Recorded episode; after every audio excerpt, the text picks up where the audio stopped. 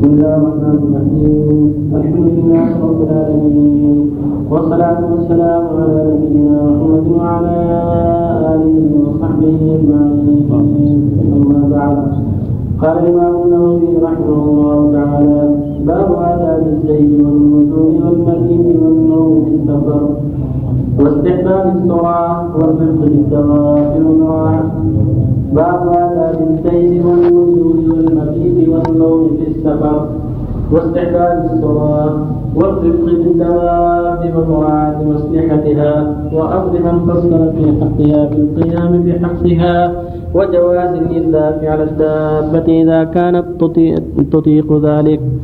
عن أبي هريرة رضي الله عنه قال قال رسول الله صلى الله عليه وسلم إذا سافرتم في الخصب فأعطوا الإبل حظها من الأرض وإذا سافرتم في الجدب فأسرعوا عليها السير وبادروا بها نقيها وإذا عرستم فاجتنبوا الطريق فإنها طرق الدواب ومأوى الهوام بالليل رواه مسلم.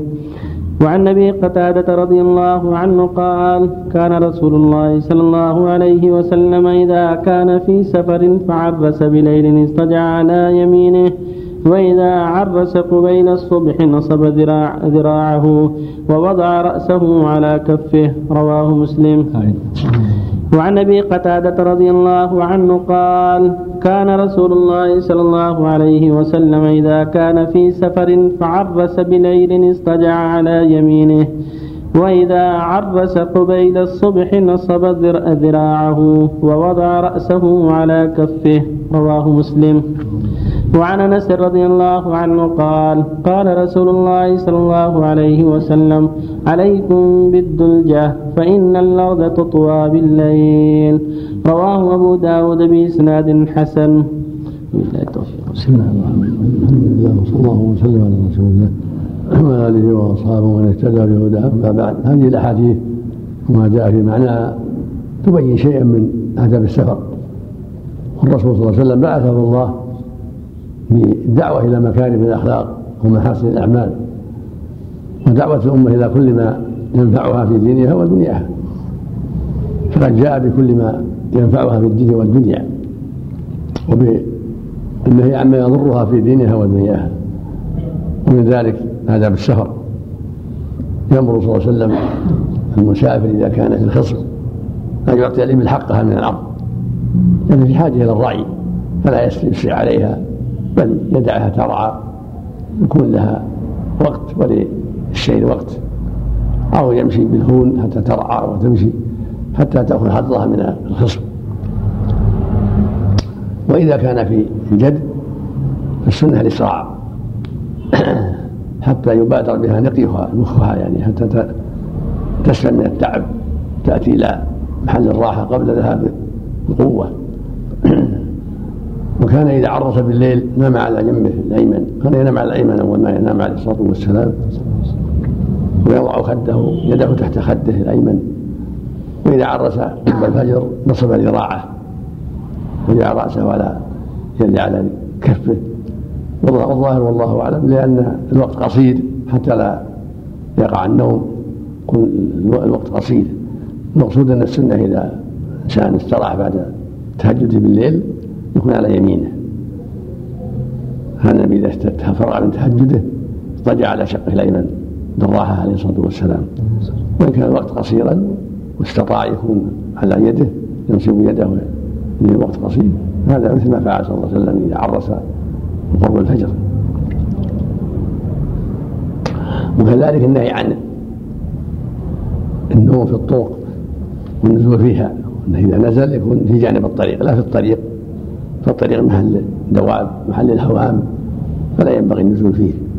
ولكن ينزل عن يمينه أو شماله أو غربه أو شرقه حتى لا يتعرض لأخطار الطريق. وكذلك يستحب الدوجه في الليل يغتنم أوقات النشاط كما في الحديث الآخر. عليكم بالغدوة والروحة وشيء من الدوجه فالمسافر يغتنم اوقات النشاط نشاطه نشاط مركوبه والليل فيه البراد وفيه النشاط. فإذا استغله في زيادة السير كان ذلك أصلح. وقال صلى الله عليه وسلم الأرض تطوى. والظاهر والله أعلم أنه أراد أن السير فيها يكون ميسرا لوجود المراد وعدم الشمس. فالدابة تستريح والراكب يستريح. فيسر السير الكثير ولا يحس بالتعب. كأنها طويت له الأرض. الله جل وعلا أعلم سبحانه وفق الله الجميع نعم. الله إليك نصب اليد. آه، آه، عند قرب الفجر. هذا خاص في السفر ولا في كل حتى في الحضر كان ينام على شقه الايمن يستريح. واذا كان الوقت قصير هو يستريح وهو يستطيع ينام شقه اليد فعل. لأن هذا أقرب إلى أن لا ينام. الله اليك الآن لكن ما كل يستطيع ما كل يستطيع أن ينام على اليد. لكن من استطاع حسن. مشي الليل كان الوقت قصير. لا مشي الليل. فيه خطورة أحسن الله إليك. في السيارات. خطورة من كثرة الدواب والإبل. على كل حال الانسان الرسول صلى الله عليه وسلم أخبر عن زمانه. نعم. فإذا صار الطريق فيه خطورة يترك الخطوره وعن النبي صلى الله عليه وسلم الشيء اللي ما فيه خطوره نعم. فاذا جاء في طريق فيه خطوره يتجنبه. ما معنى لا إلا انت نزل آخر الليل تعريس آخر الليل. لا إله إلا انت سلمك الله هذا خاص بالدابة ولا عام؟ نعم. الدلجة عام حكمه خاص بال- بال- الظاهر بالدابة. الظاهر نعم. نعم. على الأرض تطوى نعم. لكن يحسن لل- للإنسان السير في الليل. هذا مجرب السير في الليل سهل على النفوس. خفيف. نعم. يقطع يقطع مسافة طويلة ما يشعر بالتعب. نعم. في الغالب يكون ضراد وهدوء. بسم الله الله الله. لله رب العالمين. والصلاة والسلام على نبينا محمد وعلى آله وصحبه أجمعين. أما بعد قال الإمام النووي رحمه الله تعالى في باب آداب السير والنزول والمبيت والنوم في السفر واستحباب السرعة والرفق بالدواب ومراعاة مصلحتها وأمر من قصر في حقها بالقيام بحقها وجواز الإرداف على الدابة إذا كانت تطيق ذلك. وعن ابي ثعلبة الخشني رضي الله عنه قال: كان الناس إذا نزلوا منزلا تفرقوا في الشعاب والأودية فقال رسول الله صلى الله عليه وسلم: إن تفرقكم في هذه الشعاب والأودية إنما ذلكم من الشيطان. فلم ينزلوا بعد ذلك منزلا إلا انضم بعضهم إلى بعض. رواه أبو داود بإسناد حسن.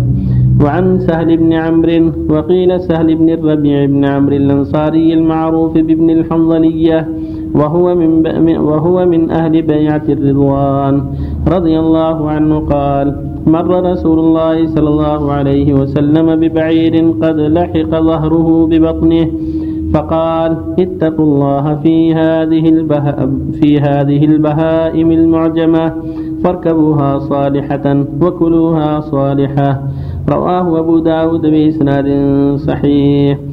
وعن أبي جعفر عبد الله بن جعفر رضي الله عنهما قال أردفني رسول الله صلى الله عليه وسلم ذات يوم خلفه وأسر إلي حديثا لا أحدث به أحدا من الناس وكان أحب ما استتر به رسول الله صلى الله عليه وسلم. وكان أحب ما استتر به رسول الله صلى الله عليه وسلم لحاجته هدف أو حائش نخل.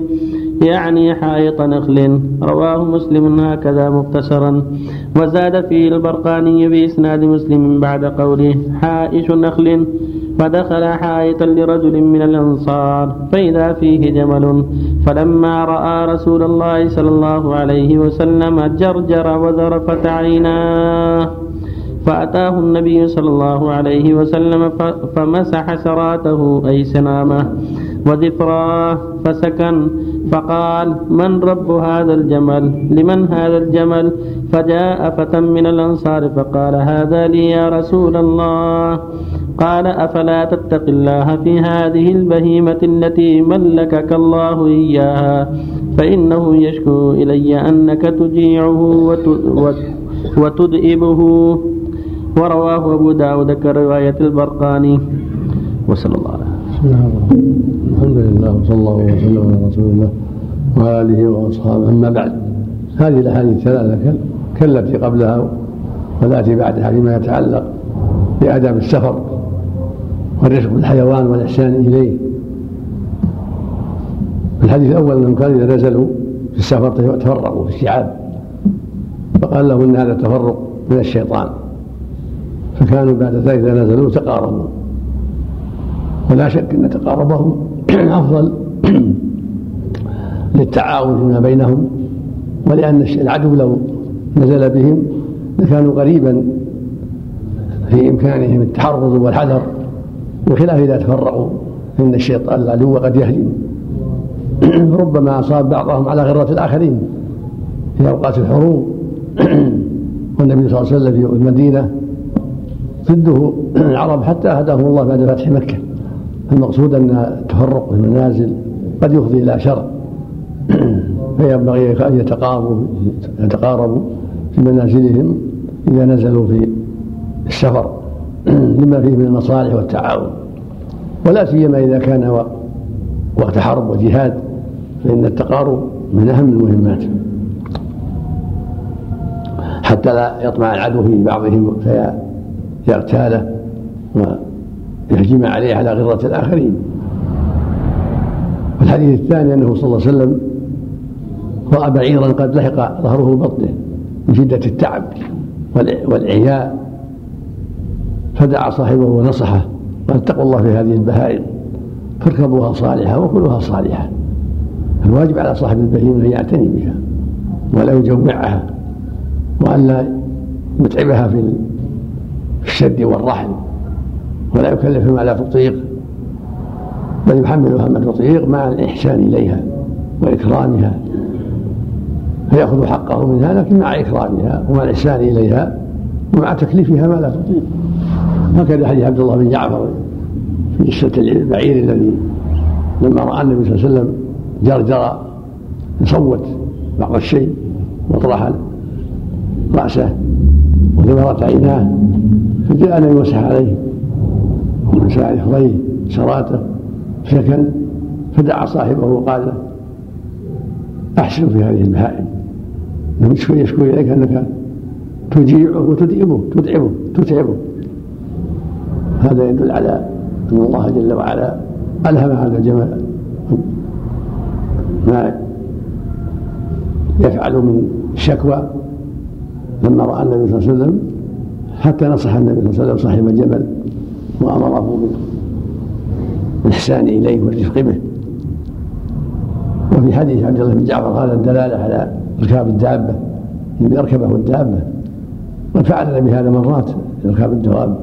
يدل على ان لا بأس بالارداف إذا كانت الدابة تطيق فلا بأس يركبها اثنان أو ثلاثة إذا كانت قوية. فقد فعل النبي صلى الله عليه وسلم ذلك في بعض اسفاره لما قدم. جعل بعض الاولاد أمامه وبعضهم خلفه عليه الصلاة والسلام الحسن والحسين بن بن جعفر وابن الزبير وأشباههم. عبد الله بن جعفر هذا هو عبد الله بن جعفر بن أبي طالب ابن أخي علي رضي الله عنهما. كان ابوه قتل يوم مؤته قتل شهيدا في حرب مؤته في حرب الروم. وهو صحابي صغير. وفيها أن الإنسان عند قضاء حاجته يستتر. في البرية في السفر. إذا أراد قضاء حاجته يلتمس هدفا جرف أو جدار أو حائش نخل أو شيء ذلك مما يستره عن الناس. وفق الله الجميع. صلى الله إليك الآن في السباق يجوعون الإبل يجوعون حتى يلصق بطنها بظهرها. نعم. يقول عند السباق الآن المسابقة في الإبل مسابقة الإبل يجوعونها من غير يعني مقصد يعني فتجوع حتى يلتصق بطنها لا لا يسمونها تضمير هو الظاهر فيه مو بس خففه تصير خفيفة. التضمير هذا تعلف خاص طريقة خاصة تعد به للمسابقة حتى في عهد النبي صلى الله عليه وسلم. المضمرة شيء واللي في المضرمة شيء؟ المضمرة شيء. المضمرة يكون لها أمد بعيد في المسابقة وللمضمرة لما ما أعدت. يكون أمدها قريب. التضمير طريقة خاصة في إعلافها وتهيئتها للمسابقة. وهو حمل عليها. مما تنظيم الأعلاف وشربها وأشبه ذلك يا شيخ أحسن الله إليك. التفرق في الشعاب لأجل الظل لا لا بأس على حسب الحاجة إذا كان ما ما في خوف من عدو. الله لا اله الا هو الحي لا الرحمن الرحيم. الحمد لله رب العالمين. والصلاة والسلام على نبينا محمد وعلى آله وصحبه أجمعين. أما بعد. قال الإمام النووي رحمه الله تعالى باب إعانة الرفيق. في الباب أحاديث كثيرة تقدمت كحديث والله في عون باب إعانة الرفيق. في الباب أحاديث كثيرة تقدمت كحديث والله والله في عون العبد ما كان العبد في عون أخيه. وحديث كل معروف صدقة وأشباههما. وعن أبي سعيد الخدري رضي الله عنه قال بينما نحن في سفر إذ جاء رجل على راحلة له فجعل يصرف بصره يمينا وشمالا فقال رسول الله صلى الله عليه وسلم من كان معه فضل ظهر فليعد به على من لا ظهر به على من لا ظهر له ومن كان له فضل زاد فليعد به على من لا زاد له. فذكر من أصناف المال ما ذكره حتى رأينا أنه لا حق لأحد منا في فضل رواه مسلم. وعن جابر رضي الله عنه عن رسول الله صلى الله عليه وسلم أنه أراد أن يغزو فقال يا معشر المهاجرين والأنصار إن من إخوانكم قوما ليس لهم مال ولا عشيرة فليضم أحدكم إليه الرجلين. أو الثلاثة فما لأحدنا من ظهر يحمله إلا عقبة كعقبة.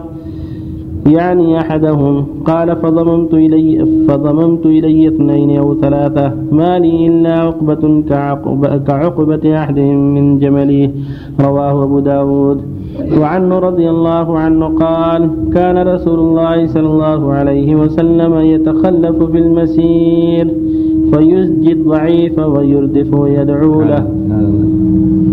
وعن جابر رضي الله عنه قال كان رسول الله صلى الله عليه وسلم يتخلف في المسير فيسجي الضعيف ويردف ويدعو له. رواه أبو داود بإسناد حسن. صلى وسلم على آله وأصحابه. أما بعد هذه الأحاديث ثلاثة وما جاء في معناها فيها الحث على رحمة الإخوان والفقراء والإحسان إليهم في السفر وفي الجهاد. وفي سائر أحوال الأحوال. وفي الحضر أيضا لأن المسلم أخو المسلم. وفي الحديث يقول صلى الله عليه وسلم من كان في حاجة أخيه كان الله في حاجته. ويقول صلى الله عليه وسلم والله في عون ما كان في عون أخيه. ولهذا أنه كان عليه الصلاة والسلام يحثهم على مساعدة إخوانهم والإحسان إليهم وأن معهم من ليس له مال من إخوانهم من المهاجرين وغيرهم. وهكذا في السفر. حثهم على الحمل والرفق ولهذا كان الصحابة رضي الله عنهم يعطف بعضهم على بعض. وإذا كانوا في سفر ركبوا عقبة مراعاة لمن ليس ليس له ظهر ليس معه مطية فإن سمع الثلاثة والأربعة في الراحلة الواحدة يتعاقبون كل واحد يركب شوي حتى حاج إلى حاجتهم وهكذا في الطعام يواسي بعضهم بعضا ويحسن بعضهم إلى بعض. ولهذا في الحديث يقول صلى الله عليه وسلم في حديث سعيد من كان له فضل فليعد به على من لا فضل له. فضل ظهر فضل طعام فضل ثياب فضل شراب إلى غير ذلك. ويقول صلى الله عليه وسلم من كان في حاجة أخيه كان الله في حاجته. المسلم أخو المسلم لا يظلمه ولا يسلمه. ويقول صلى الله من نفس عن كربة من كرب الدنيا نفس الله كربة من كرب يوم القيامة. ومن يسر على معسر يسر الله في الدنيا والآخرة.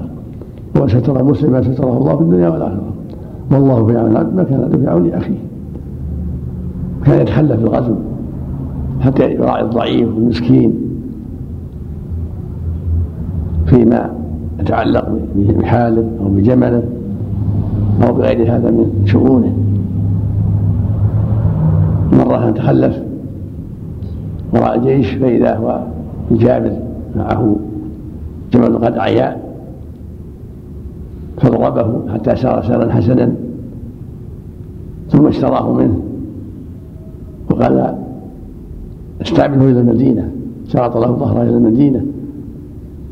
فلما وصل إلى المدينة جاء جاء بالبعير فسلمه النبي صلى الله عليه وسلم فأعطاه النبي صلى الله عليه وسلم الثمن وزاده ثم قال لك البعير أيضا خذ البعير أيضا أعطاه البعير وأعطاه الثمن.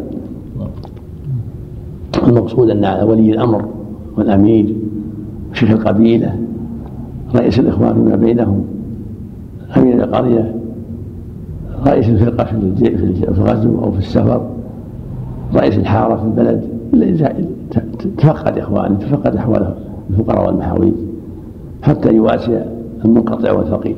وفق الله جميعا. يا شيخ الأمر حدث بسعيد. للوجوب من للاستحباب؟ الأمر الوجوب هو الوجوب يجب على المسلمين شيء واحد. يواسي بعضهم بعضا ويحسن بعضهم إلى بعض. هذا هو الأصل في الأوامر. الله لا اله الا هو الحي القيوم الحمد لله رب العالمين. والصلاة والسلام على نبينا محمد وعلى آله وصحبه أجمعين. أما بعد. قال الإمام النووي رحمه الله تعالى باب ما يقول إذا ركب دابته للسفر. قال الله تعالى وجعل لكم من الفلك والأنعام ما تركبون لتستووا على ظهوره ثم تذكروا نعمة ربكم إذا استويتم عليه وتقولوا سبحان الذي سخر لنا هذا وما كنا له مقرنين وإنا إلى ربنا لمنقلبون وعن ابن عمر رضي الله عنهما أن رسول الله صلى الله عليه وسلم كان إذا استوى على بعيره خارجا إلى سفر كبر ثلاثا ثم قال سبحان الذي سخر لنا هذا وما كنا له مقرنين وإنا إلى ربنا لمنقلبون. اللهم إنا نسألك في سفرنا هذا البر والتقوى ومن العمل ما ترضى. اللهم هون علينا سفرنا هذا واطب عنا بعده. اللهم أنت الصاحب في السفر والخليفة في الأهل. اللهم إني أعوذ بك من وعثاء السفر وكآبة المنظر وسوء المنقلب في المال والأهل والولد. اللهم إني أعوذ بك من وعثاء السفر وكآبة المنظر وسوء المنقلب في المال والأهل والولد. وإذا رجع قالهن وزاد فيهن آئبون تائبون عابدون لربنا حامدون. رواه مسلم. وعن عبد الله بن سرجس رضي الله عنه قال كان رسول الله صلى الله عليه وسلم إذا سافر يتعوذ من وعثاء السفر وكآبة المنقلب والحور بعد الكون ودعوة المظلوم وسوء المنظر في الأهل والمال. رواه مسلم. هكذا هو في صحيح مسلم. الحول بعد الكون. رواه الترمذي والنسائي وقال الترمذي ويروي, ويروى الكور بالراء وكلاهما له وجه. وعن علي بن ربيعة قال شهدت علي بن أبي طالب رضي الله عنه أتي بدابة ليركبها فلما وضع رجله في الركاب قال بسم الله. فلما استوى على ظهرها قال الحمد لله الذي سخر لنا هذا وما كنا له مقرنين وإنا إلى ربنا لمنقلبون. ثم قال الحمد لله ثلاث مرات. ثم قال الله أكبر ثلاث مرات. ثم قال سبحانك إني ظلمت نفسي فاغفر لي إنه لا يغفر الذنوب إلا أنت. ثم ضحك فقيل يا أمير المؤمنين يا أمير المؤمنين من أي شيء ضحك؟ قال رأيت النبي صلى الله عليه وسلم فعل كما فعلت. ثم ضحك فقلت يا رسول الله من أي شيء ضحك؟ قال إن ربك سبحانه يعجب من عبده. إذا قال اغفر لي ذنوبي يعلم أنه لا يغفر الذنوب غيري. رواه أبو داود والترمذي وقال حديث حسن وفي بعض النسخ حسن صحيح. وهذا لفظ أبي داود. نسأل الله العافية. الحمد لله. وصلى الله وسلم على رسول الله وعلى آله واصحابه ومن اهتدى بهداه. أما بعد هذه الحديثات بعد هذه الأحاديث كلها تدل على شرعية هذه الأذكار عند الركوب في السفر. والرسول صلى الله عليه وسلم بعثه الله بالآداب الشرعية في كل الأمور. التوحيد الصلاة الزكاة الصيام الحج في كل أعماله. الله شرع لعباده آدابا شرعية. في جميع الشؤون ومن الآداب. في ذلك الإخلاص لله في كل شيء وتحري السنة والعمل بها والحذر من البدعة.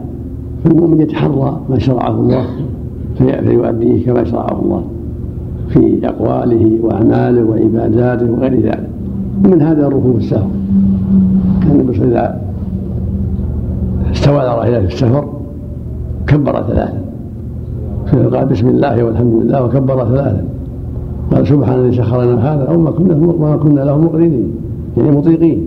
وإنا إلى ربنا منقلبون. اللهم أنا نسالك في سفرنا هذا البر والتقوى ومن العمل ما ترضى. اللهم هون عن سفرنا هذا واطمع عنا بعده أنت اللهم عنا الصاحب السفر والخليفة بالأهل. اللهم من وعثاء السفر ومن كآبة المنظر ومن سوء المقال في الأهل والمال. الرواية والولد. فالمؤمن هكذا يتحرى سنة صلى الله عليه وسلم في السفر إذا ركب دابة أو ركب عن السيارة أو الطائرة أو القطار أو الباخرة. يأتي بالأذكار الشرعية.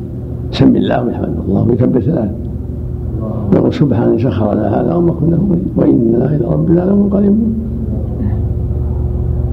رواية علي أن سمى عند وضعه رجله في الأرض فلما استوى على الدابة حمد الله ثلاثة وكبر ثلاثة. ثم قال سبحان سخر لنا هذا وما كنا مقرنين وكله طيب كله سنة.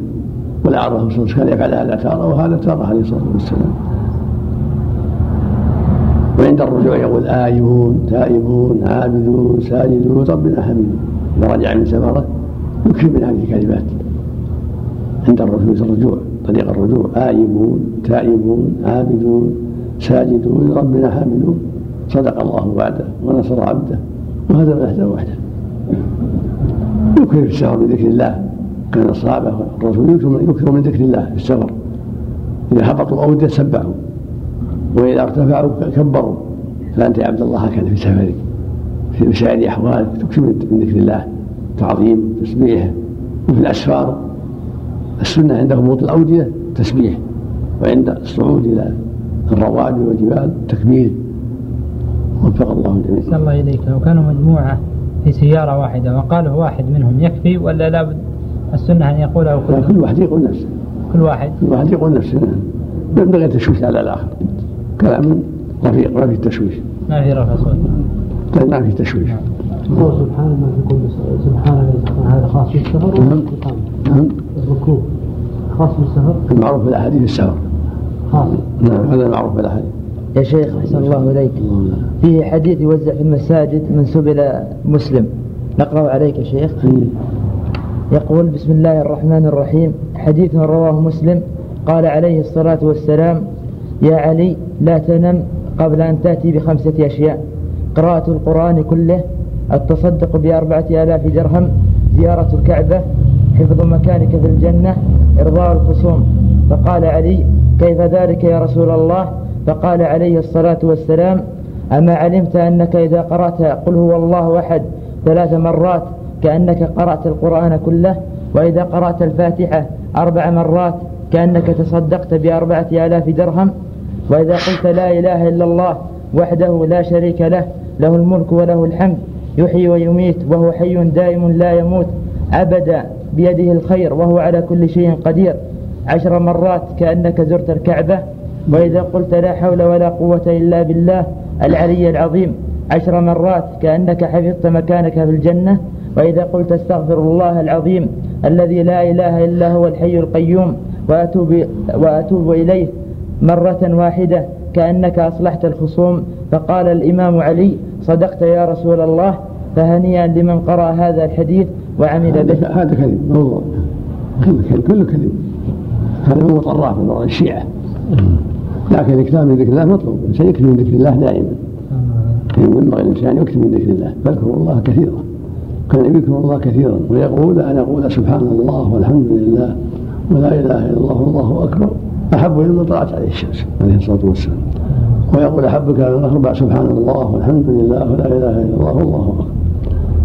يقول الباقيات الصالحات. سبحان الله والحمد لله ولا إله إلا الله والله أكبر ولا حول ولا قوة إلا بالله. يكثر من ذكر الله في سفره في اقامته في الطريق في البيت ثم خطر عليه هذا ما تسحب المساجد يا شيخ؟ يتوزع يتوزع وينبه عليها اللي وينبه للمسائل ينبه لها كم مرة هذه؟ نبهنا عليه والسلام انها موضوعه مكتوبه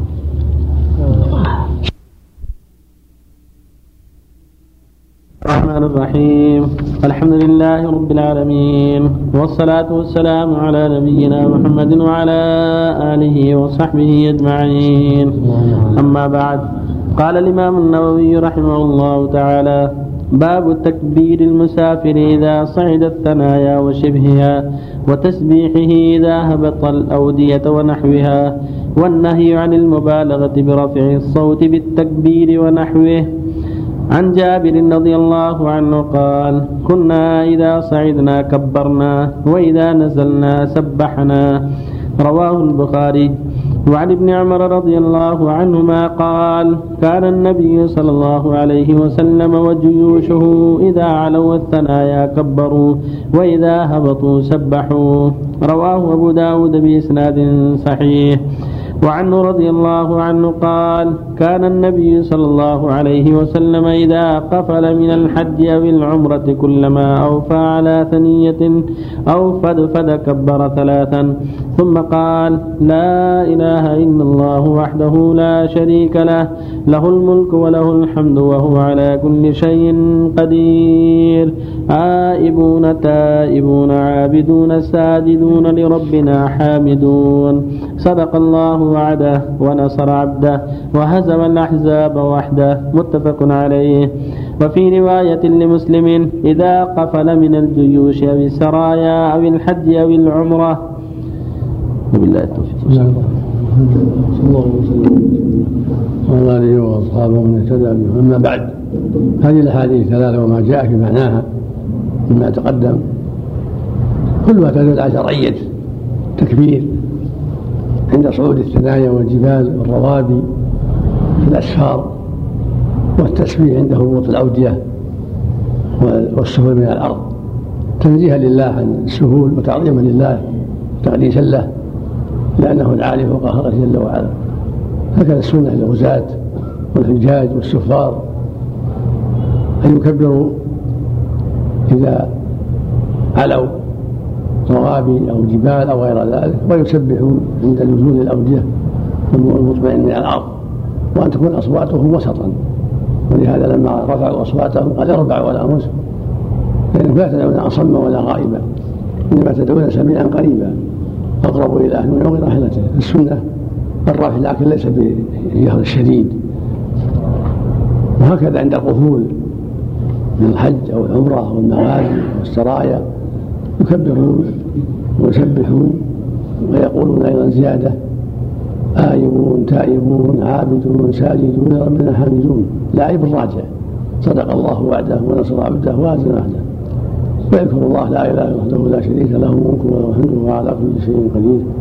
والمقصود أن المشروع المؤمن عمارة أوقاته عمارة أوقاته بالذكر في الحضر والسفر في كل وقت. وقت ذكره الله كثيرا في بيته في طريقه وفي أسفاره.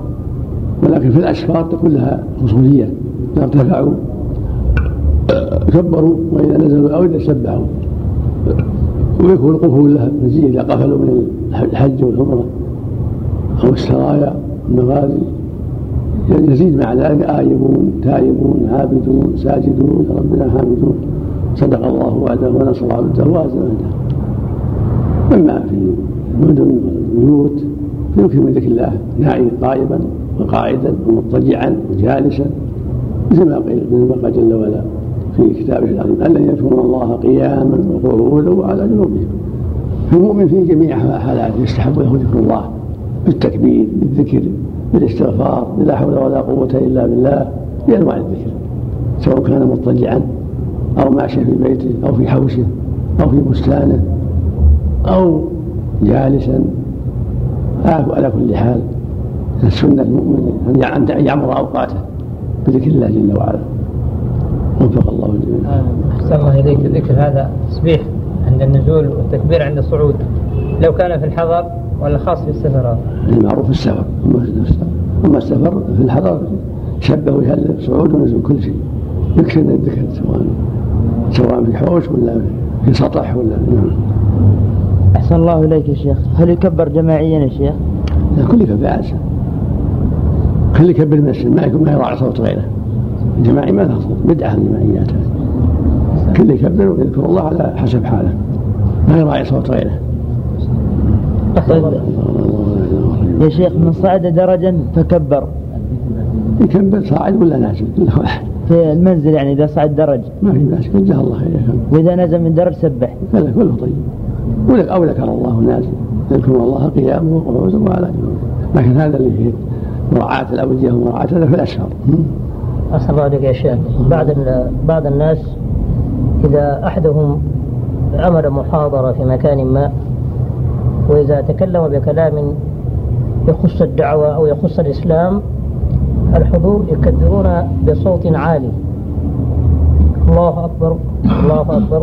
إذا رأى شيء يعجبه كان النبي رأى شيء يعجبه. ها؟ أو شيء منكر كبر وسبح. إذا رأى شيء يعجبه نعم. كان لما قال صلى الله عليه وسلم ألا ترضى أن تكون ربع أهل الجنة؟ كبروا. نعم. ألا ترضى أن تكون نصف أهل الجنة؟ كبروا. نعم.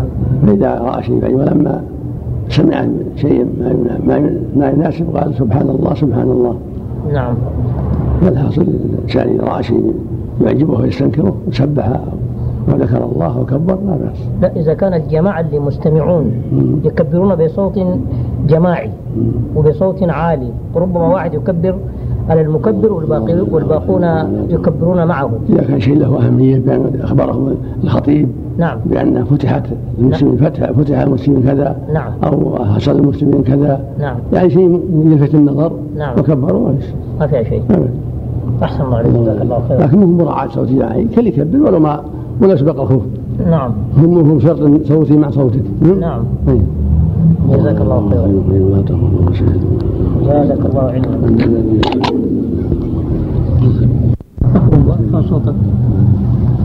يا شيخ طول الله عمرك على تركيب المجالس الله يكرمكم اللي داخل الحمامات داخل المباني استقبالا للقبلة أو مستدبرها هل في ذلك ما شيء يضر المبنى ما يضر داخل المباني؟ لا له لا يستقبل. لا عدلها على سواء مستقبلة أو مستدبرة لا في ذلك في شيء إن شاء الله. في الصحراء ما يجوز. لا داخل المباني. لا لا يرفع عنه إن شاء الله. فإذا تيسر يكون في المباني صلح على غير القبله يكون اطيب أحسن. إذا كان ركبت مثلا. ما في شيء هل في ذلك يعني؟ ما شيء النبي قضى حاجته في البيت إلى القبله جزاك الله خير الحمد لله رب العالمين والصلاة والسلام على نبينا محمد وعلى آله وصحبه أجمعين. أما بعد قال الإمام النووي رحمه الله تعالى في باب تكبير المسافر إذا صعد الثنايا وشبهها وتسبيحه إذا هبط الأودية ونحوها والنهي عن المبالغة برفع الصوت بالتكبير ونحوه. وعن أبي هريرة رضي الله عنه أن رجلا قال يا رسول الله إني أريد أن أسافر فأوصني. قال عليك بتقوى الله والتكبير على كل شرف. فلما ولى الرجل قال اللهم اطوع اللهم اطو له البعد وهون عليه السفر. رواه الترمذي وقال حديث حسن. وعن أبي موسى الأشعري رضي الله عنه قال كنا مع النبي صلى الله عليه وسلم في سفر فكنا إذا شرفنا على واد هللنا وكبرنا وارتفعت أصواتنا. فقال النبي صلى الله عليه وسلم يا أيها الناس اربعوا على أنفسكم فإنكم لا تدعون صم ولا غائبا. إنه معكم إنه سميع قريب متفق عليه. باب استحباب الدعاء في السفر. عن أبي باب استحباب الدعاء في السفر. عن ابي هريرة رضي الله عنه قال قال رسول الله صلى الله عليه وسلم ثلاث دعوات مستجابات لا شك فيهن. دعوة المظلوم ودعوة المسافر ودعوة الوالد على ولده. رواه أبو داود والترمذي وقال حديث حسن وليس في رواية أبي داود على ولده. صلى الله عليه وسلم. الحمد لله. صلى الله وسلم على رسول الله وعلى آله وصحبه أما بعد هذه الأحاديث مع الأحاديث السابقة كلها تدل على شرعية التكبير عند صعود الروابي والجبال والمرتفعات والتسبيح والتهليل عند نزول الأودية والمطامن من الأرض في الأسفار. كان النبي أوصاهم بهذا وكان يفعل صلى الله عليه وسلم. كان إذا نزل وادي أو ما يشبه ذلك من السهول سبحوا الله وقدسوه وذكروه وإذا صعدوا الروابي والمرتفعات كبروا هذا هو الأفضل. والانسان مأمور بذكر الله مشروع له ذكر الله في كل وقت في بيته وعلى فراشه وفي طريقه وفي مسجده وفي كل مكان. وهكذا في السفر. يشرع له التكبير والتهليل والتسبيح فعند الصعود يكبر. هذا أفضل. وعند النزول يسبح ويهلل. وكيفما فعل من هذا كله طيب. والسنة أن تكون الأصوات وسط لا يبالغ في الرفع. ولهذا لما كانوا يبالغون في الرفع قال لهم صلى الله عليه وسلم اربعوا على أنفسكم يعني ارفقوا. ارفقوا بأنفسكم. فإنكم لا تدعون أصم ولا غائبا إنما تدعون سميعا قريبا. أقرب إلى تدعون براحلته هو سبحانه سميع قريب. قال جل وعلا وإذا سألك عبادي عني فإني قريب. أجيب دعوة الداعي إذا دعان هو سبحانه سميع قريب فالسنة للمؤمن في ذكره أن تكون أصواته متوسطة. إذا صعد الروابي كبر هبط الأودية سبه بأصوات مقاربة متوسطة ليس فيها تكلف وسأله بعض الصحابة أن يوصي عند السفر فقال اتق الله وكبر على كل شرف يعني كبر عند صعود المرتفعات. ووصى الآخر قال اتق الله حيثما كنت. مر بالتقوى. وقال زودني قال غفر الله لك ذنبك ويسرك الخير أينما توجهت. فالمقصود أن الإنسان إذا أوصى أخاه عند السفر يقول له اتق الله. وأكثر من التبكير من التكبير والتهليل يدعو له بأن الله يعينه ويسهل امره زوده من التقوى. ويعينه على الخير يغفر له ذنوبه ويسهل سفره والناس يدعو لاخيه بما يناسب. الحديث الثالث الدلالة على أن المظلوم والمسافر والوالد له دعوة مستجابة. هكذا الصائم فينبغي تحري هذه الأوقات. المظلوم الصائم المسافر الوالد. دعوة هؤلاء ترجى إجابتها. فليتحروا الدعوات الطيبة التي تنفعهم. أما المظلوم فيدعو بقدر المظلمة أن الله يخلص من الظلم يرد عليه حقه يكفي من شر شر من تصل من المظلوم. والوالد يحرص أن تكون دعواته طيبة لأولاده وأن يحذر الدعاء عليهم دون يضرهم. يدعو لهم بالهداية والتوفيق والصلاح والاستقامة لأن دعوتهم ترجى إجابتها. وفق الله الجميع. الله إليك المظلوم لو يعني صبر أفضل. أفضل. أفضل. ولا ولا دعا لو صبر أفضل. نعم. أحسن الله إليك بالنسبة للنهي عن رفع الصوت. مخصوص بالتكبير والتسبيح دون التلبية أو مع التلبية كذلك التلبية. كلها كلها كلها وسط. وسط. قول الرسول صلى الله عليه وسلم أفضل الحج العج والثج يعرف الصوت لكن مو بصوت يتعب. وسط يعني. نعم. يسمعه الناس يت- يتأسى بعضهم البعض من دون إتعاب. كون الصحابة قالوا يصرخون بها صراخا. يعني ما ما هو معناه الصراخ الزايد يعني. نعم. الصراخ اللي يعني يحصل به المطلوب. لأن الحديث يستر بعضها. بعضا نعم ما يضرب بعضها ببعض يعني هذا ما هو خاص بالتكبير والتسبيح. لا نعم نعم. الله لا إله إلا الله. صلى الله عليه المظلوم يدعو على الظالم أو له ان يدعو على الظالم. ما يدعو عليه. بقدر مظلمته بقدر مظلمته وقال الله لا يحب الله جهر بالسوء من القول إلا من ظلم. لكن يروى أنه قال لعائشة لا تسبخي عليه لا تخافي شيء تطلب النصر على المظلوم إن الله ينصرها على المظلوم إن الله يعطيها حقها. والرجل يقول اللهم أعطني حقي اللهم انصرني عليه اللهم اكفر لي شره. هذا خير له? حديث أبي داود صحيح أحسن الله إليك الثلاثة ما ما ما قد سنده المؤلف سكت عنه الله. لكن له شاهد. إذا الدعوة نعم. حاسب قال هالشيء قال أن له شاهد في ما تكلم عن هالشيء نعم. شاء الله يقول الله قل الله رواه داود والترمذي وأخرج ابن ماجه وابن حبان وإمام أحمد في المسند. تراجع تراجع أسانيد بعض المعلقين ما عندهم بصيرة بعض المعلقين ما عندهم بصيرة يراجع الأسانيد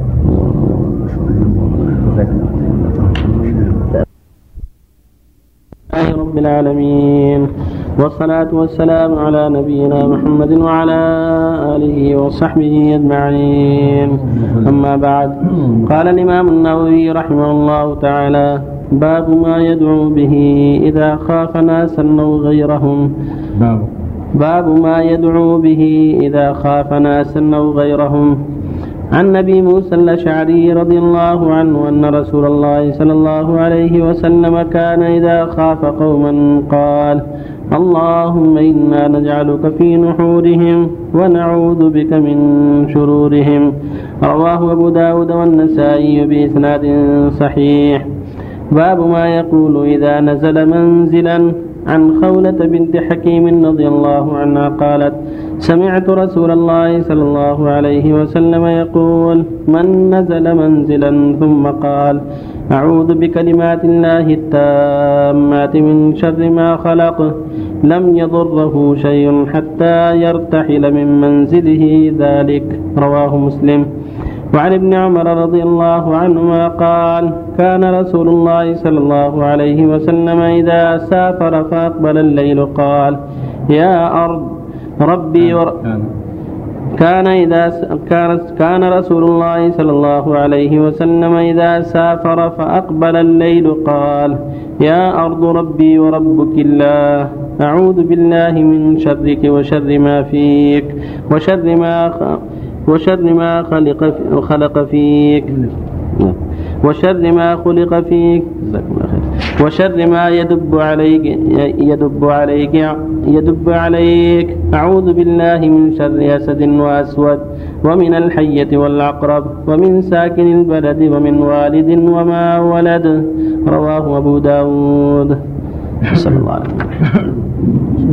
الحمد لله وصلى الله وسلم على رسول الله وعلى آله وأصحابه من اهتدى أما بعد هذه الأحاديث ثلاثة فيها التعوذات الشرعيه لمن دعت الحاجة إلى شيء من ذلك. فإذا خاف قوما كان يقول صلى الله عليه وسلم اللهم إنا نجعلك في نحورهم ونعوذ بك من شرورهم. خاف عدوا أو أهل بلد أو غيرهم ممن يخشى شره اللهم أنا نجعلك في نحورهم ونعوذ من شرورهم. والعبد ليس له ملجأ إلا الله سبحانه هو إليه الملجأ جل وعلا. بيده أزمة الأمور وهو الذي بيده كل شيء سبحانه وتعالى. هو النافع والضار هو المانع المعطي هو القادر على كل شيء جل وعلا. فمشروع للمؤمن اللجأ إليه في كل شيء. المؤمن المؤمنة لجأ إلى الله في كل شيء. فإذا خاف قوما أو خاف شيئا من الأشياء سأل ربه العافية من ذلك وتساءل به من ذلك شيء ومن ذلك أن يقول اللهم إنا نجعلك في نحورهم ونعوذ من شرورهم اللهم اكفنا شرهم اللهم سلط عليهم من هو أقوى منا عليهم اللهم أعنا عليهم إلى غير هذا من الدعوات المناسبة. وإذا نزل منزلا؟ يقول ما قاله النبي صلى الله عليه وسلم من نزل منزلا فقال أعوذ بكلمات الله التامات من شر ما خلق لم يضره شيء حتى يرتحل المنزل ذلك هذه السنة إذا نزل منزل من المنازل في بيته أو في منزل في السفر. أن يقول أعوذ بكلمات الله التامات من شر ما خلق. وفي الحديث الآخر أنه صلى الله عليه وسلم جاءه فقال يا رسول الله ما لا ما لقيت الليلة من عقرب؟ يعني أوذت لي فقال صلى الله عليه وسلم أما إنك لو قلت أعوذ بكلمات الله التامات من شر ما خلق لم تضرك فالإنسان يعتاد الدعوات الطيبة والتعوذات الشرعية في ليله ونهاره من هذا الحديث الصحيح حديث عثمان رضي الله عنه أن النبي صلى الله عليه وسلم قال من قال بسم الله الذي لا يضر مع اسمه شيء في الأرض ولا في السماء وهو ثلاث مرات صباحا لم يضره شيء حتى يمسك وإن قالها مساء لم يضره شيء حتى يصبح كلمات قليلة بسم الله الذي لا يضر مع اسمه شيء. في الأرض ولا في السماء وهو ثلاث مرات وكان إذا نزل إذا أقبل الليل وأراد النزول في الأرض يقول يا أرض ربي وربك الله. أعوذ بالله من شرك وشر ما فيك وشر ما خلق فيك وشر ما يدب عليك. أعوذ بالله من أسد وأسود وحية وعقرب ومن ساكن البلد ومن ظالم ومن والد وولد لكن التعوذات السابقة كافية يعني كافية شاملة. أعوذ بكلمات الله التامات من شر ما تعم الحيات والأقارب والأعداء وكل شيء. من الحديث الآخر أعوذ بكلمات الله التامة من كل شيطان وهامة ومن كل عين لامة أعوذ بكلمات الله التامات التي لا يجاوزهن بر ولا فاجر من شر ما خلق وزرع وفرع من شر ما نزل السماء ومن شر ما يعرض بها ومن شر ما زرع الأرض ومن شر ما ومن شر فتن الليل والنهار ومن شر كل طالب إلا طالب يطلب الخير. يا رحمة. المؤمن يشرع له التعوذات الشرعية في ليله ونهاره تأسم بالنبي صلى الله عليه وسلم وعمل بسنته.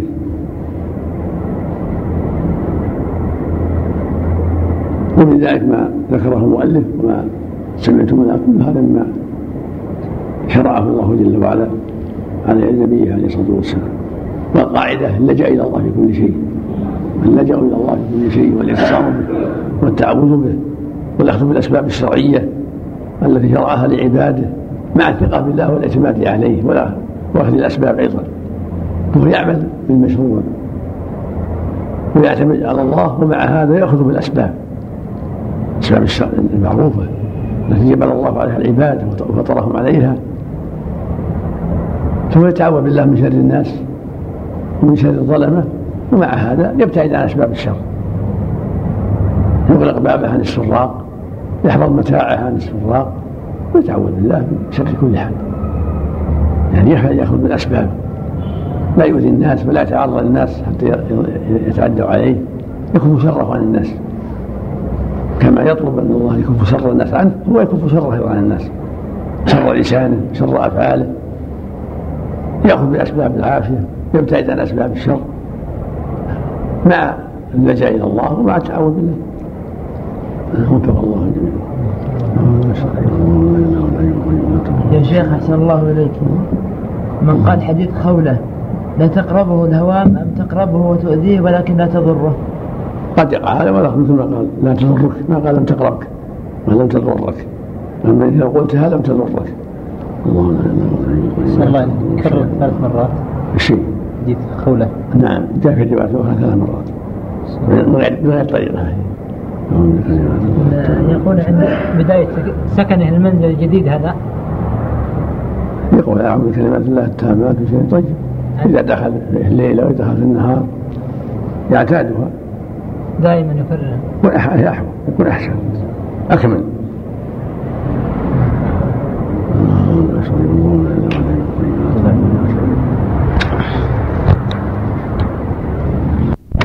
أحد عشر مرة صحت هذه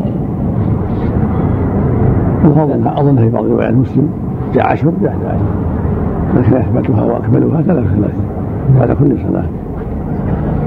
ما قال أنها و- وهم. يختم بالتكبير 34 أو بلا إله إلا الله. ما قال أحد عشر وهم من الراوي. هي العشر المراد العشر. يراجع مسلم رواية مسلم رواية مسلم رحمه الله خير إن شاء الله والصلاة والسلام على نبينا محمد وعلى آله وصحبه أجمعين. أما بعد. قال الإمام ابن الق... قال الإمام النووي رحمه الله تعالى باب استحباب تعجيل المسافر الرجوع إلى أهله إذا قضى حاجته.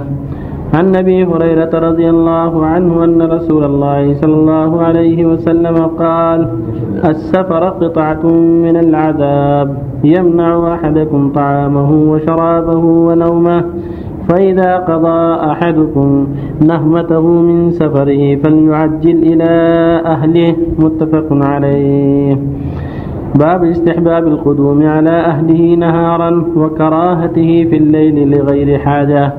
عن جابر رضي الله عنه أن رسول الله صلى الله عليه وسلم قال إذا أطال أحدكم الغيبة فلا يطرقن أهله ليلا وفي رواية أن رسول الله صلى الله عليه وسلم نهى أن يطرق الرجل أهله ليلا. متفق عليه. وعن أنس رضي الله عنه قال كان رسول الله صلى الله عليه وسلم لا يطرق أهله ليلا وكان يأتيهم غدوة أو عشية. متفق عليه. بالله التوفيق وصلى الله على نبينا محمد. صلى الله وسلم.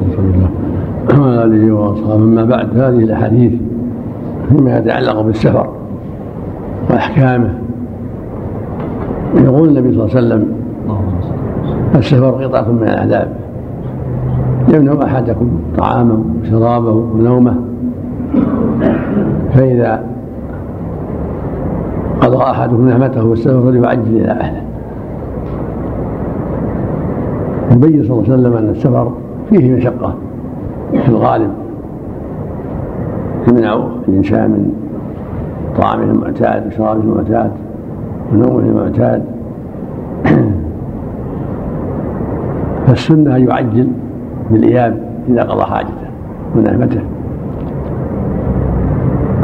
إما في تعجيل الإياب من الراحة والاجتماع بالأهل والسلام من بقية تعب السفر. وكل من جرب الأسفار عرف ذلك ولا سيما إذا طال السفر. فينبغي المؤمن أن يلاحظ ذلك وأن تكون أسفاره عند الحاجة وأن يعجل بالإياب إلى أهله إذا قضى نهمته. بما في ذلك من المصالح له ولأهله. وعدكم السهر أخطار الأخرى من جهة الاجتماع مما لا ينبغي الاجتماع بهم. من جهة وجود الدعاة إلى الباطل أو الأخلاق التي تضر المسافر. وفي كل حال المسافر ينبغي له أن يتحرى قضاء حاجته بسرعة ثم يرجع إلى أهله بعيدا عن أسباب الشر وعن أسباب الأذى وعما يضر خلقه ودينه وسمعته أو يضر أهله بتأخير الإياب إليهم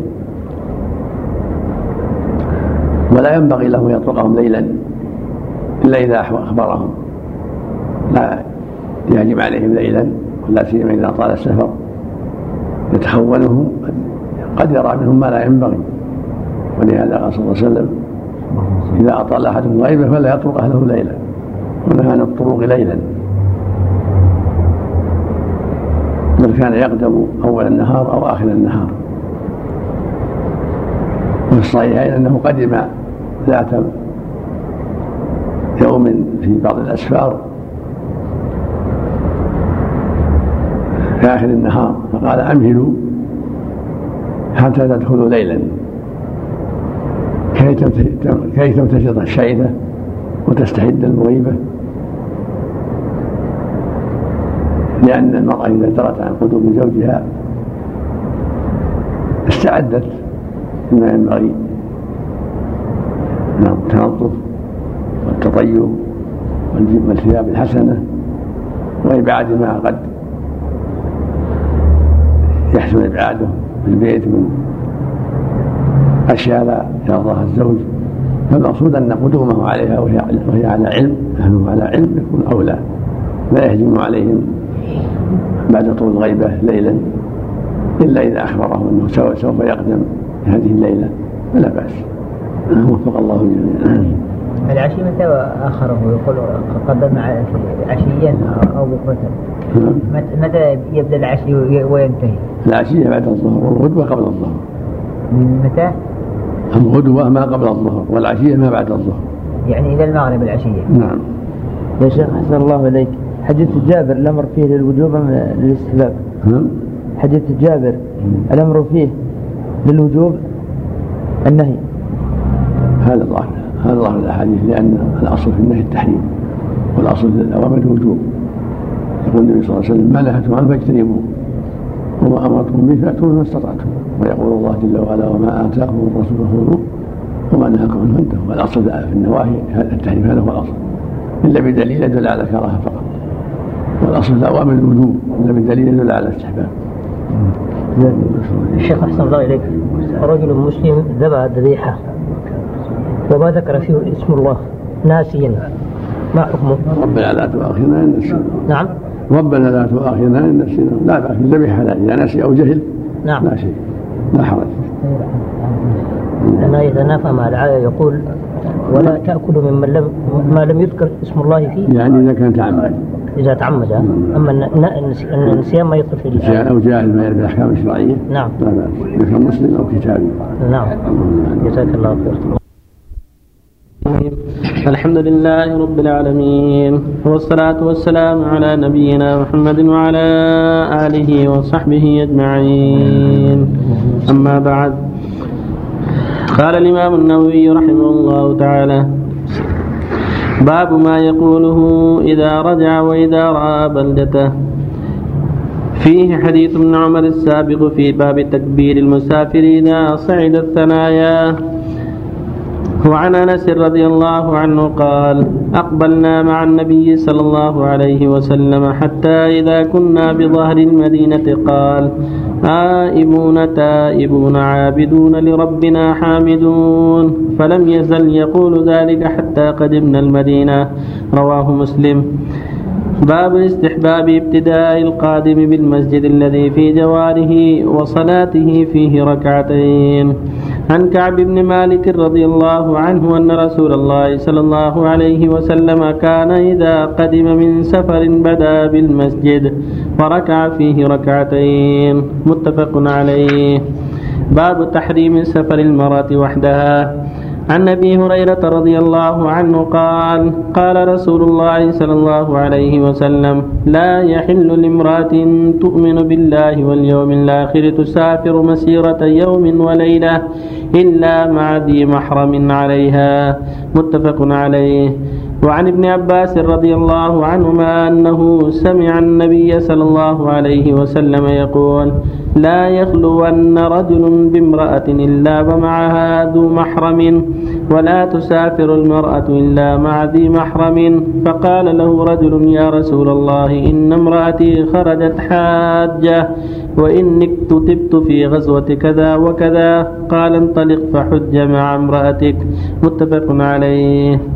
وصلى الله الحمد لله وصلى الله وسلم على رسول الله وعلى آله وأصحابه ومن اهتدى به أما بعد هذه الأحاديث تقدم بعضها فيما يتعلق بالتكبير والذكر في الاسفار وأن السنة للمؤمن في السفر إذا علا واديا إذا علا شرفا أو جبلا أو غير ذلك من الأشياء الضريعة كبر الله وعظمه وأكثر من ذكره.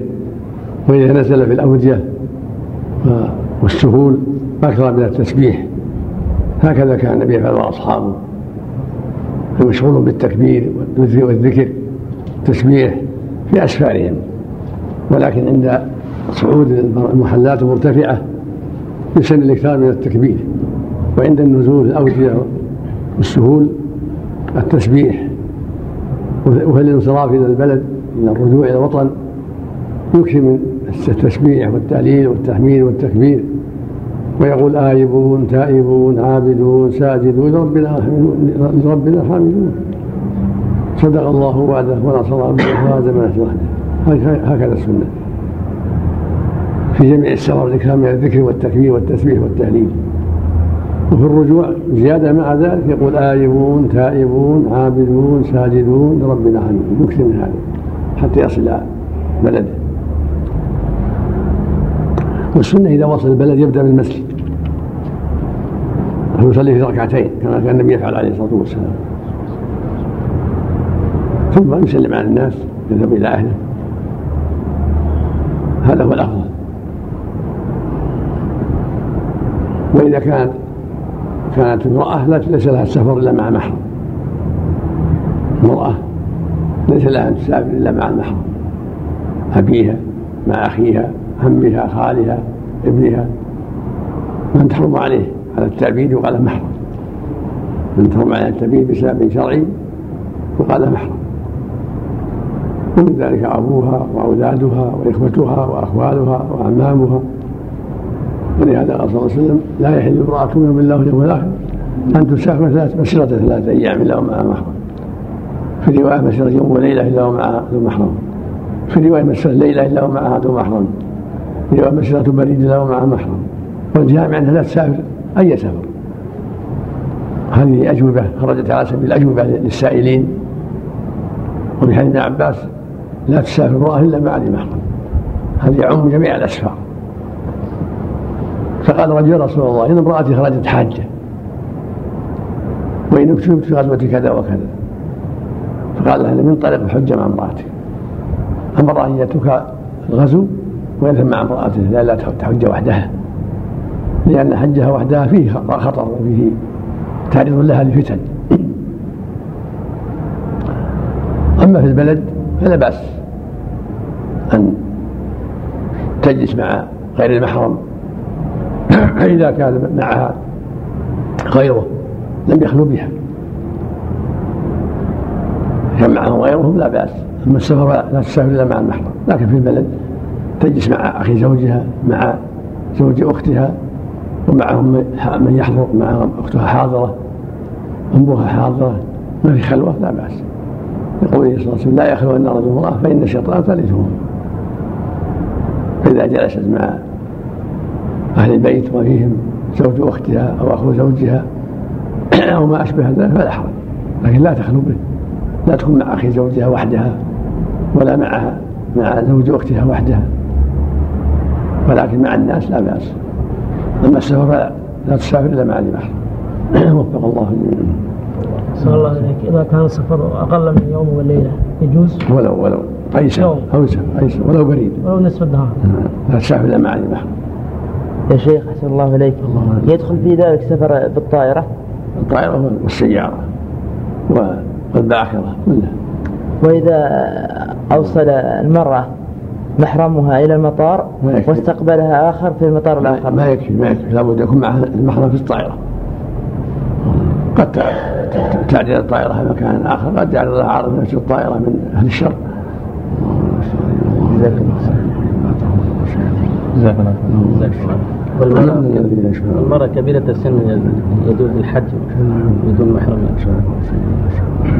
كل واحد شابة والكبيرة الرسول ما فرق عليه الصلاة والسلام. مع امرأة. نعم. وإذا كانت من القواعد يا شيخ؟ ولو عام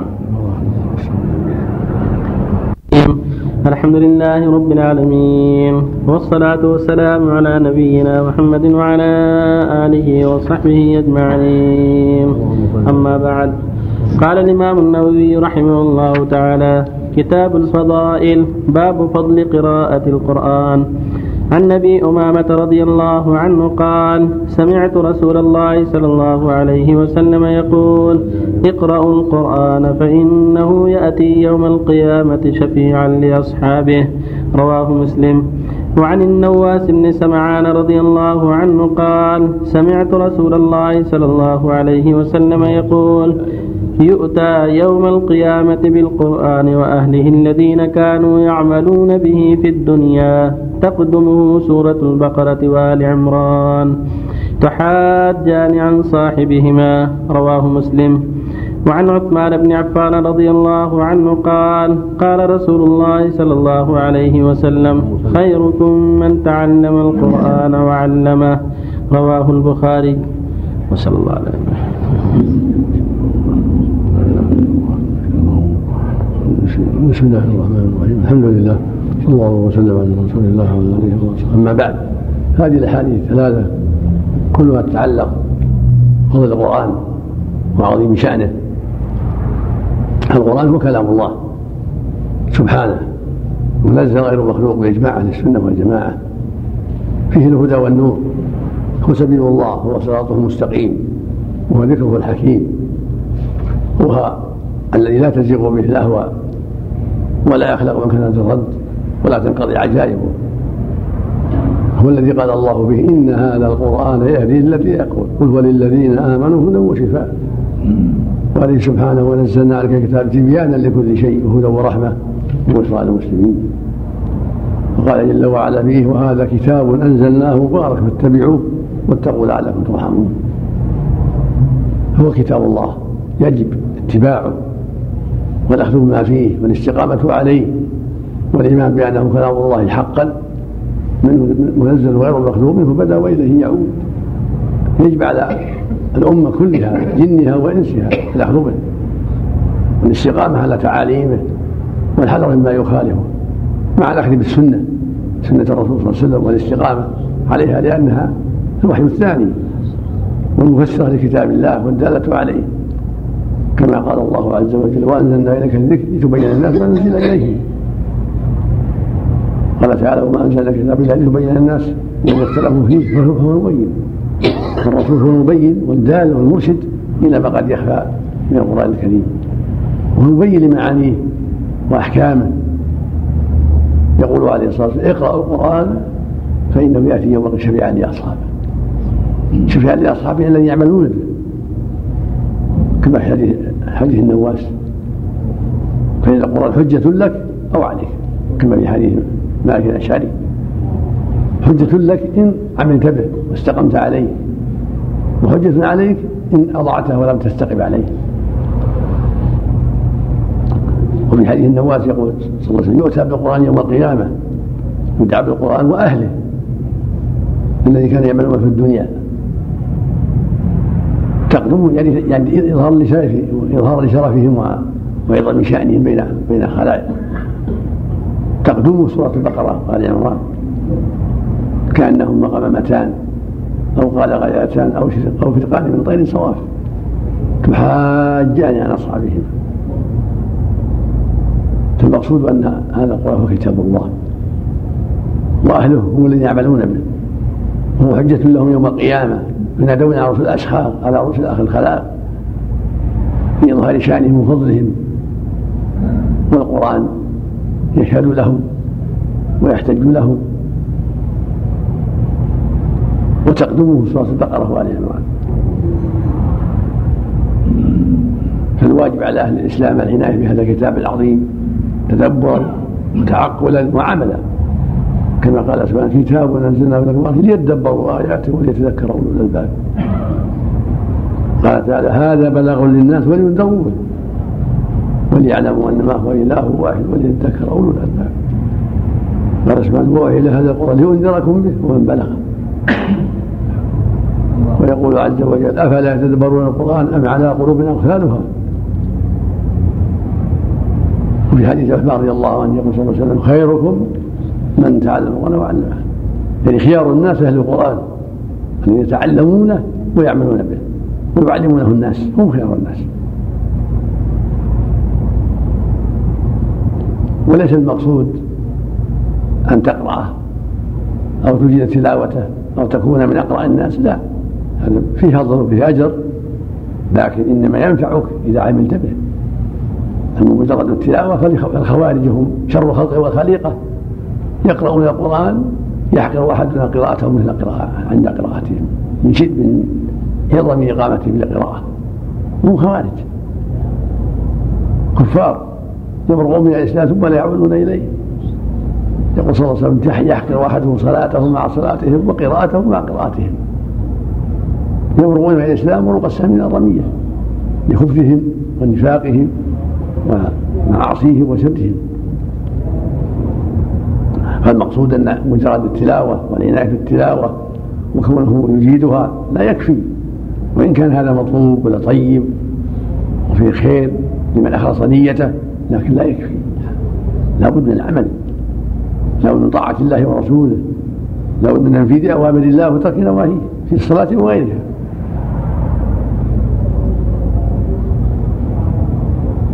وفق الله جميعا يا شيخ أحسن الله إليك. ذكرت بعد بعض ألفاظ حديث علي عن الترمذي فهل يصح؟ مش لا اشبه انه موقوف على علي قال بعضهم هو سند فيه ضعف سند ضعيف لكن ابن كثير رحمه الله قال أشبه يكون موقوفا. هي الاشبه من كلام علي استنبطه من الأحاديث ومن القرآن. تكون فتن؟ ما المخرج منها يا رسول الله؟ معروف لي علي قال كتاب الله فيه نبأ مخرج إلى آخره. طيب يا شيخ. ولا في كلام حق كلام حق. ما يضاعف الحديث بالحارث الأعور؟ لا هو هو هو راوي هو ضعيف. لكن المعنى صحيح. الله يا شيخ أحسن الله إليك. ذكر اليوم في درس آه، الجمعة بعد الصلاة أن ابن تيمية يقول بخلق بفناء النار. ما هو صحيح. المعروف عنه أنه ذكر قولين نعرف عنه ذكر قولين. وإن قال فهو خطأ لو ثبت عنه فهو خطأ. الصواب عند أهل السنة أنها باقية دائمة وأهلها دائمون فيها نسأل الله العافية. الكفار عذابهم مؤبد وهي باقية أبدا. كلما خبت زدناهم سائرا نسأل الله العافية. في كلام ذوقوا فلن نزيدكم إلا عذابا نسأل الله العافية. يا شيخ في كلام لابن تيمية آه، يقول ببقاء النار. لو قال غلط أقول لو قال غلط أقول لو قاله غلط.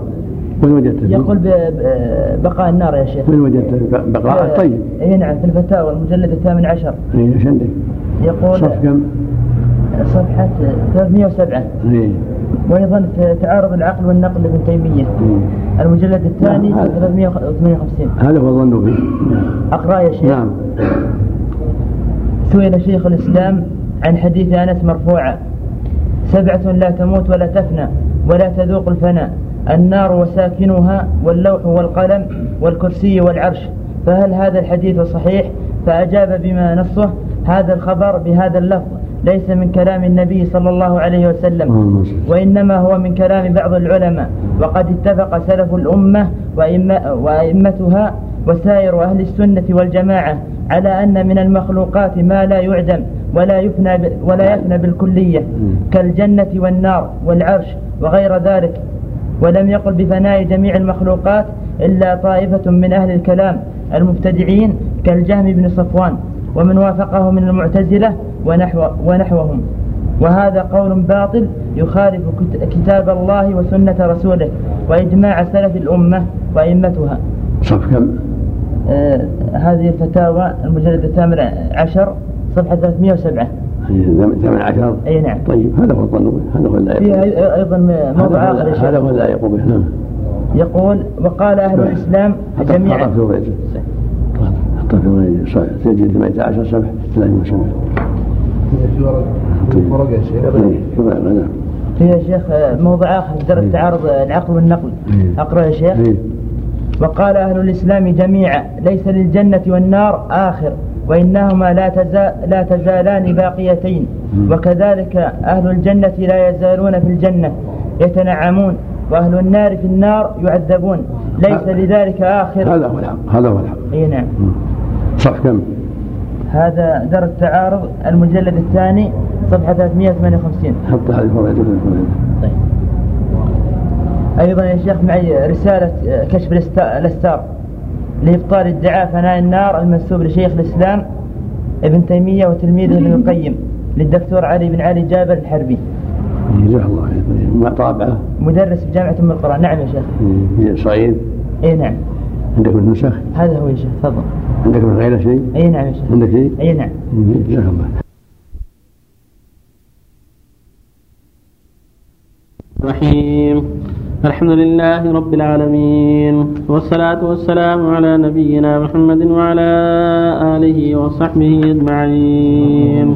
أما بعد قال الإمام النووي رحمه الله تعالى في باب فضل قراءة القرآن وعن عائشة رضي الله عنها قالت قال رسول الله صلى الله عليه وسلم الذي يقرأ القرآن وهو ماهر به مع السفرة الكرام بررة والذي يقرأ القرآن ويتتعتع فيه وهو عليه شاق له وجران متفق عليه.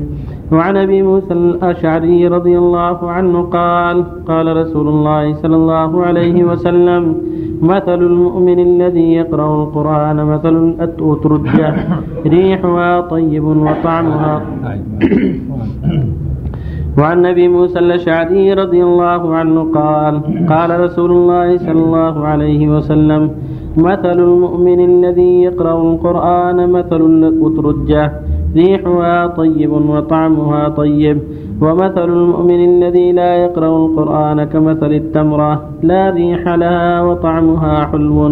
ومثل المنافق الذي يقرأ القرآن كمثل الريحانة ريحها طيب وطعمها مر. ومثل المنافق الذي لا يقرأ القرآن كمثل الحنظلة ليس لها ريح وطعمها مر. متفق عليه. وعن عمر بن الخطاب رضي الله عنه أن النبي صلى الله عليه وسلم قال إن الله يرفع بهذا الكتاب أقواما ويضع به آخرين. رواه مسلم. وعن ابن عمر رضي الله عنهما عن النبي صلى الله عليه وسلم قال لا حسد إلا في اثنتين. رجل آتاه الله القرآن فهو يقوم به آناء الليل وآناء النهار. ورجل آتاه الله مالا فهو ينفقه آناء الليل وآناء النهار. متفق عليه. صلى الله عليه وسلم. صلى الله وسلم على رسول الله وعلى آله وأصحابه. ومن اهتدى بهدى أما بعد فهذه الأحاديث الأربعة كلها تتعلق بالقرآن. وعظيم شأنه. القرآن كتاب الله فيه الهدى والنور. وهو وهو أفضل الكلام. وأصدق الكلام. وفيه شرائع الله وأحكامه فتلاوته تعبده من أفضل العبادات والقربات وتحكيمه واجب على أهل الإسلام أن يحكموه فيما شجر بينهم فيما شجر بينهم مع سنة الرسول صلى الله عليه وسلم. كما قال عز وجل فان تنازعتم في فردوا إلى الله والرسول والرد إلى الله والرد إلى القرآن الكريم والرد إلى الرسول والرد إليه في حياته وإلى سنته بعد وفاته عليه الصلاة والسلام. ففي هذه الأحاديث الدلاله على فضل تلاوة القرآن والعناية به والعمل به. الحديث الأول يقول صلى الله عليه وسلم الماهر بالقرآن مع السفرة كلام المرضى الذي يقرأ القرآن هو ماهر فيه يجيد قراءته ويحفظه جيدا مع السفرة كلام المرضى يعني إذا كان يتوه قولا وعملا لا مجرد تلاوه فقط يجيد تلاوته ويعمل به فهو قائم به لفظا ومعنى والذي لا يقرأ القرآن والذي يقرأ والذي يقرأ القرآن وهو عليه شاق ويتتعتع فيه له أجران. هذا أيضا من فضل الله سن يقرأه قصده الخير يريد الفائدة يريد العلم ويتعتع فيه له أجران. أجر القراءة وأجر الاجتهاد والتعب. فينبغي لك يا عبد الله أن تعتني بالقرآن وأن تحرص على حفظ ما تيسر منه. وأن تجتهد في معرفة المعنى والعمل بما دل عليه المعنى. في الحديث أبي موسى يقول صلى الله عليه وسلم إن الذي يقرأ إن المؤمن الذي يقرأ القرآن كالريحانة. أن المؤمن الذي يقرأ القرآن كالأترجة طعمها طيب وريحها طيب. والذي لا يقرأ القرآن كالتمرة طعمها طيب وليس لها ريح. فالمؤمن كله خير. قرأ أو لم يقرأ كله خير لكن اللي يقرأ القرآن له شأن عظيم. يعلم الناس يرشد الناس يدعو إلى الله. فهو كالأترجة طعمها طيب وريحها طيب. والذي لا يقرأ كالتمرة طعمها طيب مغذية نافعة لكن ليس لها ريح. لأن ما عنده علم يعلمه الناس. أما المنافق الذي يقرأ هو كالريحانة لها ريح ولكن طعمها مر. فله ما يقرأ ما يصل من القرآن. طيب ما يسمع من القرآن. طيب ولكن الباطن خبيث فما أظهره من القرآن طيب. والقرآن كله خير ولكن باطنه وعقيدته خبيثة. كالحنظلة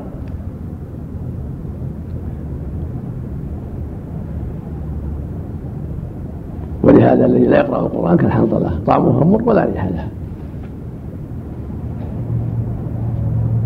فينبغي للمؤمن أن يعتني بالقرآن وأن تظهر عليه آثاره علما وعملا وتوجيها وإرشادا ونفعا للناس حتى يحقق هذا المثل وترجه والتورة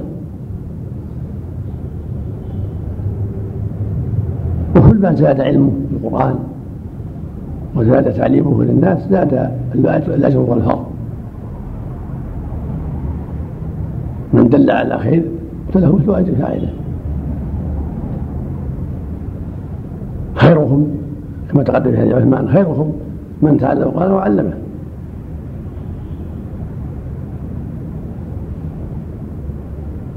ويقول عمر رضي الله عنه عن النبي صلى الله عليه وسلم قال إن الله يرفع بهذا الكتاب بأقوام ويضع به آخرين.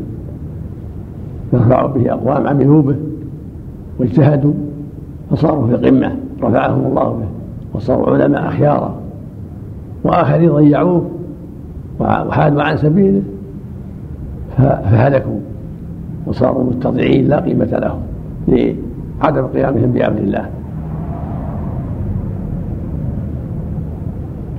والحديث الرابع يقول النبي صلى الله عليه وسلم لا حسد إلا في اثنتين يعني لا غبطة حسد الغبطة يعني لا شيء ينبغي يغبط به الإنسان يتمنى يتمنى شيء يكون مثله إلا في اثنتين رجل آتاه الله القرآن فهو يقوم به اناء الليل والنهار يتلوه ويتعبد به. ورجل آتاه الله مالا فهو ينفقه اناء الليل واناء النهار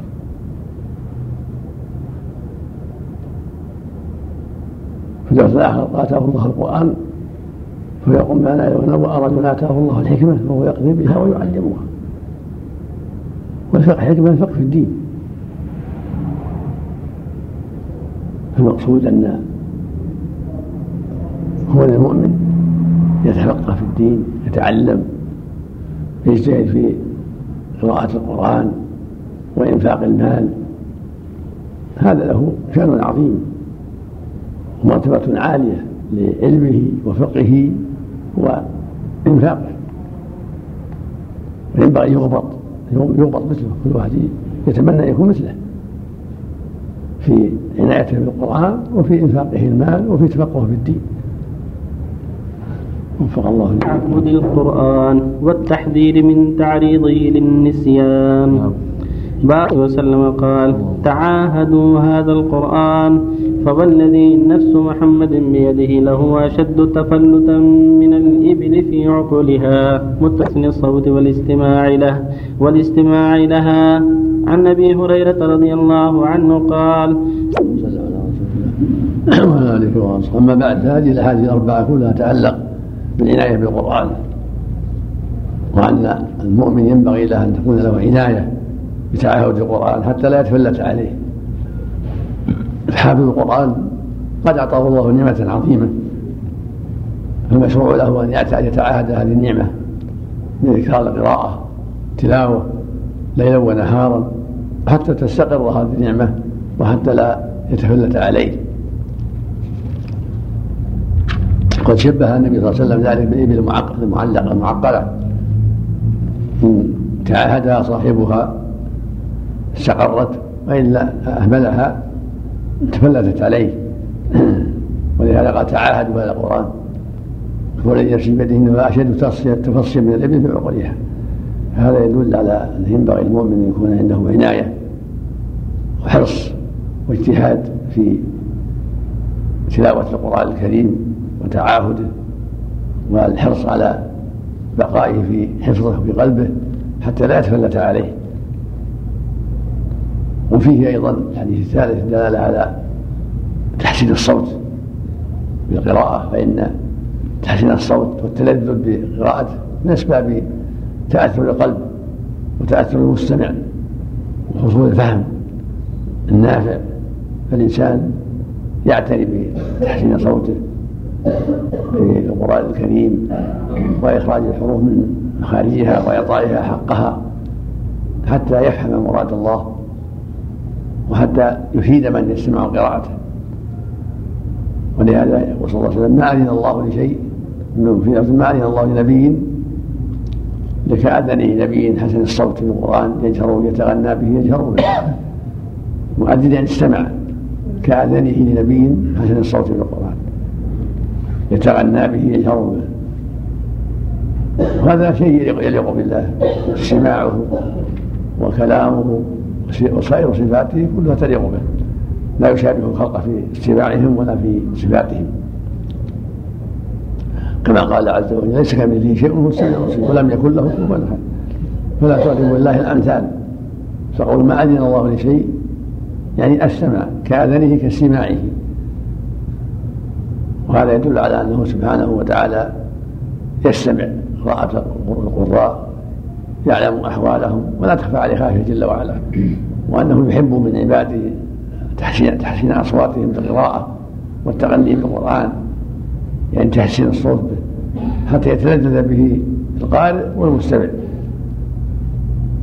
وهذا من أسباب فهمه وتعقله من أسباب العمل به أما إذا قرأ قراءة لا يتأملها ولا يعتني بها فقد لا يتأثر بها. وهكذا حديث ابي موسى. مر النبي صلى الله عليه وسلم بأبي موسى وهو يقرأ القرآن فاستمع له. فقال قد أوتي هذا مزمارا من مزامير داود يعني صوتا حسنا مزاميرهم أصواتهم العظيمة في القرآن. فلما أبلغ أبو موسى قال أبو موسى رضي الله عنه لو علمت أنك تستمع لحبرته لك تحبيرا. يعني زدت في تحسين الصوت. فالمقصود من هذا كله أنه ينبغي للقارئ أن يحتسب الأجر وأن يعتني ولا تكون قراءته عادية لا يبالي بها ولا يهتم منها بل تكون لها عناية بالقراءة وتحسين الصوت والتدبر والتعقل والتفهم حتى ينفع نفسه وينفع من يستمع له. وحتى تكون ذلك تكون هذه القراءة من أسباب رسوخ القران في قلبه واستقراره وعدم تفلته. وفق الله الجميع